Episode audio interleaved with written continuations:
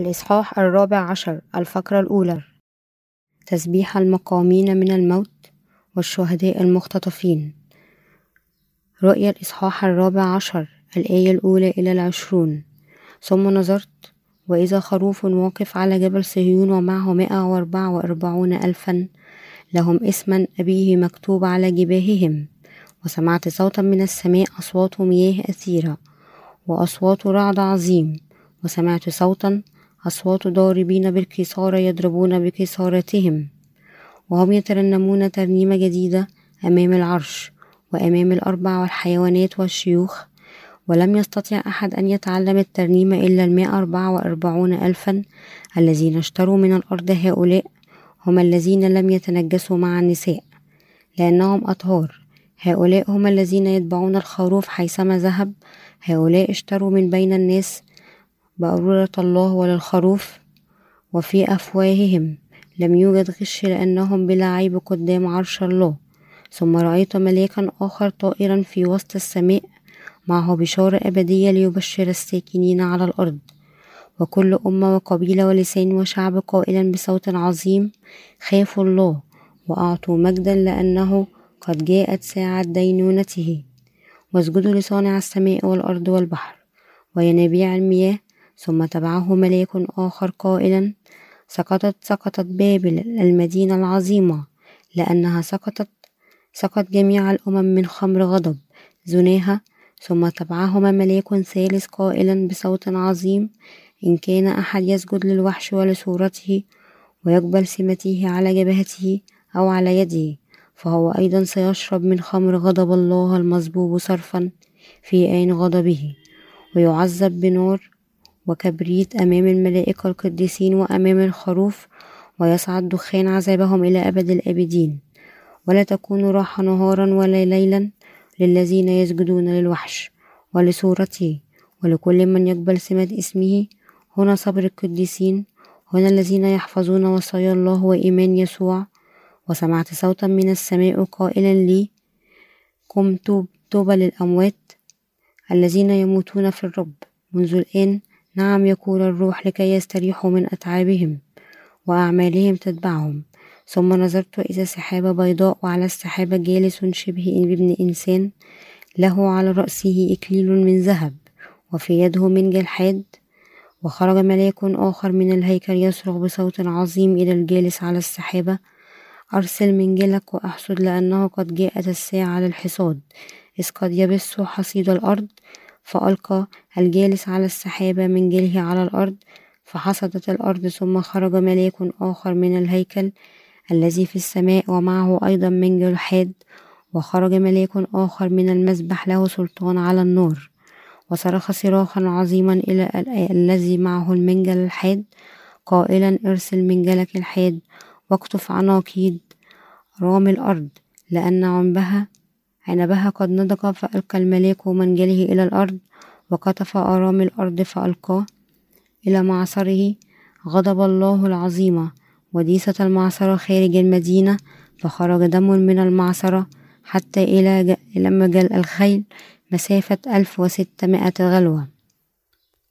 التفسير الآية الأولى ثم نظرت وإذا خروف وقف على جبل صهيون ومعه مائة أربعة وأربعون ألفا. لهم اسم أبيه مكتوبا على جباههم. هذا عن القديسين المولودين من جديد الذين أقاموا واختطفوا بعد استشهادهم على يد ضد المسيح مدحا الرب من في السماء. القديسون الذين استشهدوا على يد المسيح والقديسين الذين كانوا نائمين سيكون الآن في السماء ويمدحون الرب بترنيمة جديدة في الآية الرابعة. نرى أن المئة أربعة وأربعون ألف غنى هذه الأغنية الجديدة قد تتساءل إذن ما إذا كان عدد المختطفين سوف يصل إلى مئة أربعة وأربعون شخصا فقط لكن الرقم أربعة عشر هنا يعني أن كل الأشياء قد تغيرت متى الإصحاح السابع عشر الآية الأولى.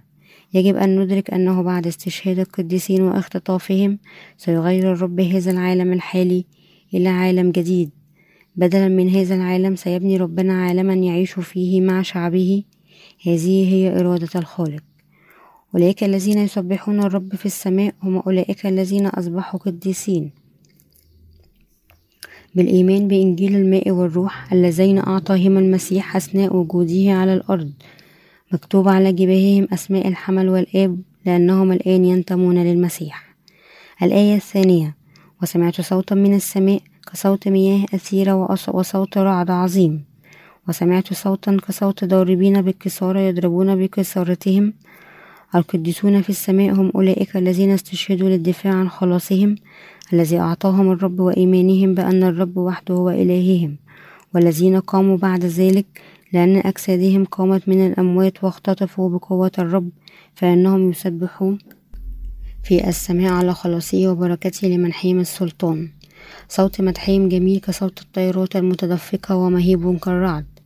لقد خلصهم جميعا إلى الأبد من خطاياهم من خلال الفداء عن خطاياهم بالإيمان. وهم على هذه الأرض في إنجيل الماء والروح اللذين أعطاهم الرب. الآية الثالثة وهم يترنمون ترنيمة جديدة أمام العرش وأمام الأربع حيوانات والشيوخ ولم يستطع أحد أن يتعلم الترنيمة إلا المائة أربعة وأربعون ألفا الذين اشتروا من الأرض. يشير المائة أربعة وأربعون ألف شخصا. إلى القديسين المختطفين. الرقم أربعة عشر في الكتاب المقدس يعني تغيير جديد. أولئك الذين يستطيعون أن يسبحوا الرب بترنيمة جديدة في السماء. هم أولئك الذين تغيروا أثناء وجودهم على هذه الأرض. من خلال تلقي مغفرة الخطية والولادة مرة أخرى. من خلال إيمانهم بإنجيل الماء والروح. لهذا يقول الرب هنا أنهم كانوا مئة أربعة وأربعون ألف. بصرف النظر عنهم لا يوجد أحد آخر يمكنه أن يمدح الرب على نعمة الفداء من خلال إنجيل الماء والروح وهكذا يتم الثناء على ربنا من قبل أولئك الذين غفرت خطاياهم بالإيمان بإنجيل الماء والروح والذين قبلوا الروح القدس كهدية لهم. الآية الرابعة هؤلاء هم الذين لم يتنجسوا مع النساء لأنهم أطهار. هؤلاء هم الذين يتبعون الخروف حيثما ذهب هؤلاء اشتروا من بين الناس بأورة الله والخروف. القديسون هم الذين لم يدنسوا إيمانهم بأي قوة أو ديانات دنيوية. هناك الكثير من الناس في هذا العالم يغيرون عقيدتهم بسهولة. لكن بالنسبة لأولئك الذين أصبحوا قديسين من خلال الإيمان بمعمودية الرب ودمه على الصليب وبالتالي قبول مغفرة خطاياهم فإن إيمانهم لا يمكن أبدا تغييره لأي شيء في العالم. القديسون الذين يصعدون إلى السماء ويسبحون الرب هم أولئك الذين حفظوا بلا تغيير إنجيل الماء والروح الذين أعطاهم الرب ودافعوا عن إيمانهم على هذا النحو. أولئك الذين لم يستطيعوا أن يمدحوا الرب في ملكوت السماوات هم الذين اختطفهم الرب بإيمانهم بإنجيل الماء والروح. في منتصف الآية الرابعة مكتوب هؤلاء هم الذين يتبعون الحمل أينما ذهب. يجب أن تدرك أن أولئك الذين تم تطهيرهم من كل آثامهم دفعة واحدة من خلال إيمانهم بإنجيل الماء والروح. يجب أن يولدوا من جديد أن يتبعوا الرب أينما كان يقودهم لأنهم نالوا مغفرة خطاياهم. نجد في قلوبهم الرغبة في إتباع الرب بفرح حيثما يقودهم. في نهاية المطاف سيكونون بالتالي يسبحون الرب في السماء بعد أن استشهدوا على يد ضد المسيح بإيمانهم. وقام الرب باختطافهم من بين الأموات كما أنه مكتوب هؤلاء يفتدوا من الناس باكورة الله والحمل من بين عدد لا يحصى من الناس الذين يعيشون في هذا العالم تم إنقاذ حفنة فقط من كل آثامهم من خلال الإيمان بإنجيل الماء والروح اللذين أعطاهما الرب. لهذا قال ربنا في أرمية الإصحاح الرابع عشر الآية الثالثة آخذك واحد من مدينة واثنين من العائلة وآتي بك إلى صهيون. أولئك الذين التقوا بإنجيل الماء والروح ونالوا مغفرة خطاياهم. هم هؤلاء القليلون. لأنهم ينتمون إلى الحمل فإنهم هم من يأخذون باكورة القيامة. والذين يختطفون بقوة الرب ويمجدون المسيح إلى الأبد كل ذلك كما وعد الرب على هذه الأرض أيضا. هم الذين يتبعون الرب أينما يقودهم كل هؤلاء بنعمة وقوة الله. الآية الخامسة وفي أفهاوهم لم يوجد غش لأنهم بلا عيب قدام عرش الله. أولئك الذين ولدوا ثانيا بالإيمان بإنجيل الماء والروح يستطيعون أن يبشروا بهذا الإنجيل الحقيقي بأفهاوهم بينما يوجد اليوم العديد من الناس الذين يكرزون بإنجيل بطريقتهم الخاصة. فمن الصحيح أيضا أن حفن منهم فقط هم في الواقع يكرزون بالإنجيل الحقيقي للماء والروح. أولئك الذين يكرزون بدم يسوع على الصليب لا يكرزون بإنجيل الماء والروح اللذين أعطاهم الرب. لماذا؟ لأنه لا يوجد إنجيل آخر سوى إنجيل الماء والروح وحده هو الإنجيل الحقيقي للكتاب المقدس. بينما أن كل الآثام في قلوب الأبرار أزيلت بواسطة كلمة الإنجيل الحقيقي يمكنهم أن يكرزوا بهذا الإنجيل بأفواههم بقناعة كاملة. الآية السادسة إلى السابعة. ثم رأيت ملاك آخر طائلا في وسط السماء. معه بشارة أبدية ليبشر الساكنين على الأرض. وكل أمة وقبيلة ولسان شعب قائلا بصوت عظيم. خافوا الله وأعطوا مجدا لأنه قد جاءت ساعة دينونته واسجدوا لصانع السماء والأرض والبحر وينابيع المياه. يجب على القديسين المولودين من جديد أن يستمروا. في إعلان إنجيل الماء والروح على هذه الأرض. لذلك يجب أن يستمر عمل الكرازة بإنجيل الماء والروح على هذه الأرض حتى يوم اختطاف القديسين. أولئك الذين يؤمنون بإنجيل الماء والروح سيستشهد من قبل ضد المسيح للدفاع عن إيمانهم وبالتالي هم وحدهم سيرتفعون لمملكة السماء. يجب على الجميع أن يخافوا الله ويؤمنوا بإنجيل الماء والروح وبالتالي ينالون مغفرة الخطية والروح القدس كهدية لهم. إذا كان المسيح اليوم غير قادرين على الإيمان بإنجيل الماء والروح اللذين أعطاهم الرب. شكرا. فإن إيمانهم بيسوع سيكون باطلا. فالذي خلق الكون كله وكل ما فيه ما هو إلا يسوع المسيح. على هذا النحو يجب على البشر أن يتعرفوا على يسوع على أنه إلههم الذي خلقهم ووهبهم خلاصهم بمغفرة خطاياهم. يجب أن يستعد هذا العالم الآن لتلقي الدينونة التي يصدرها يسوع على أولئك الذين يقفون ضد الله. يجب علينا أيضا أن نعد إيماننا الذي يختطفه الرب قريبا. لأن يوم دينونة الله قريبا منا إن طريقة الاستعداد للاختطاف هي الإيمان بكلمة إنجيل الماء والروح التي أعطاها الرب. لماذا؟ لأنه فقط من خلال الإيمان بإنجيله عن الإيماء والروح يمكن للمرء أن يقبل الروح القدس. وعندما تأتي الأيام الأخيرة سيرتديهم المجد الذي يرتفعه الرب إلى الهواء في الاختطاف لذلك يجب أن يؤمن كل الخطاب أسرع ما يمكن في يسوع المسيح كإله الخليقة والخلاص. ونعبده وفقا لذلك يجب أن يقبلوا إنجيل الماء والروح في قلوبهم. وبالتالي ينالوا نعمة فدائه والروح القدس كهدية لهم. أولئك الذين يعبدون الله يقبلون في قلوبهم بإنجيل الماء والروح اللذين أعطاهم الرب ولا يرفضونه كهذه هي الطريقة التي يمكنهم بها عبادة الله. الآية الثامنة ثم تبعه ملاك آخر قائلا سقطت سقطت بابل المدينة العظيمة لأنها سقط جميع الأمم من خمر غضب زنيها.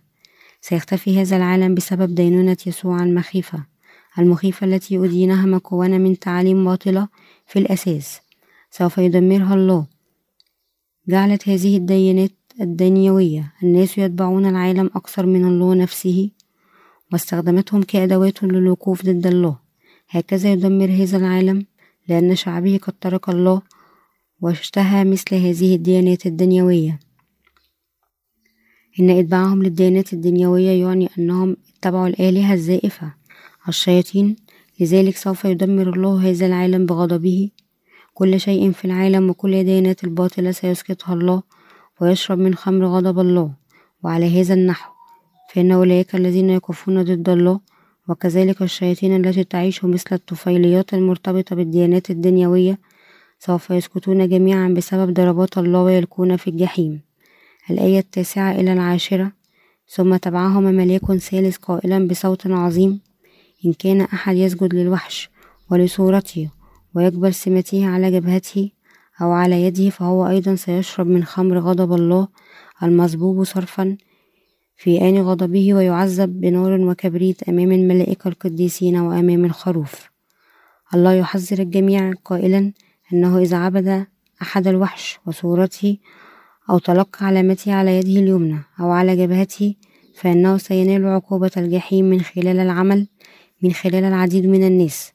سوف يجبر الشيطان البشرية جمعاء على عبادة الصنم المصنوع على صورة ضد المسيح. لكن أولئك الذين ولدوا مرة أخرى سيقاتلون ضد المسيح ويستشهدون للدفاع عن إيمانهم. يجب على القديسين أن يدافعوا عن إيمانهم ويقفوا ضد المسيح وأن يستشهدوا.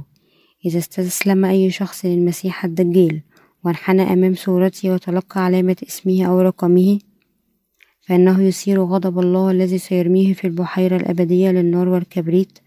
عندما يحين وقت الضيق يجب على القديسين الصلاة لله والدفاع عن إيمانهم بالرب ووضع أملهم في ملكوته ومن خلال الإيمان بيسوع يجب أن يقفوا ضد المسيح يدافعون عن إيمانهم وينضموا إلى استشهادهم وقيامتهم والاختطاف وبالتالي ينالوا البركة الأبدية للسكن مع الرب في ملكوته.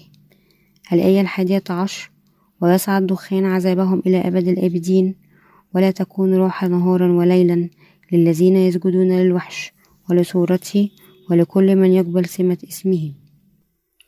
أولئك الذين يعبدون الشيطان كإله سيعطون نوباته وعذاب الجحيم الدائم. كل من يستلم يستسلم للمسيح الدجال في آخر الزمان ويعبد صورته كالله سوف يتعذب في بحيرة النار والكبريت التي يملأها غضب الله. يجب أن نؤمن جميعا أن أي شخص يتبع الوحش وصورته وأي شخص يتلقى سمة الوحش لن يحصل على راحة ليلا ونهارا. الآية الثانية عشر. هنا صبر القديسين هنا الذين يحفظون وصايا الله وإيمان يسوع. وبما أن القديسين يؤمنون بكل الثروة والمجد والبركة التي وعدهم بها الرب فيجب عليهم المصابرة بالصبر. يجب عليهم المصابرة خلال وقت الضيق أيضا. الوعد الذي قطعه الرب لقديسيه آخر الزمان هو أن يمنحهم نعمة العيش معه بعد استشهادهم فمع قيامتهم بقوة الرب يرتفعون إلى السماء. وهكذا يثابر القديسون الذين يؤمنون بهذه البركة التي تسمح لهم بدخول عشاء زواج الحمل مع الرب ويملكوا معه ألف عام. يعيشون معه دائما في ملكوت السماوات. عندما تأتي نهاية الزمان يحتاج القديسون إلى الاستشهاد للدفاع عن إيمانهم. يجب عليهم المصابرة خلال كل محن الوقت في الصبر.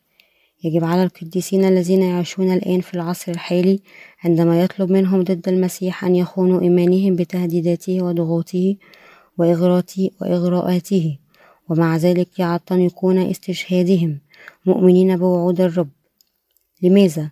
لأنه بعد ذلك بوقت قصير ستتحقق كل بركات ربنا كما وعدنا. يمكن لجميع القديسين الحصول على مكافآتهم من خلال الحفاظ على إيمانهم بكلمة الله والرب. لذلك احفظ إيمانك بكلمة الرب.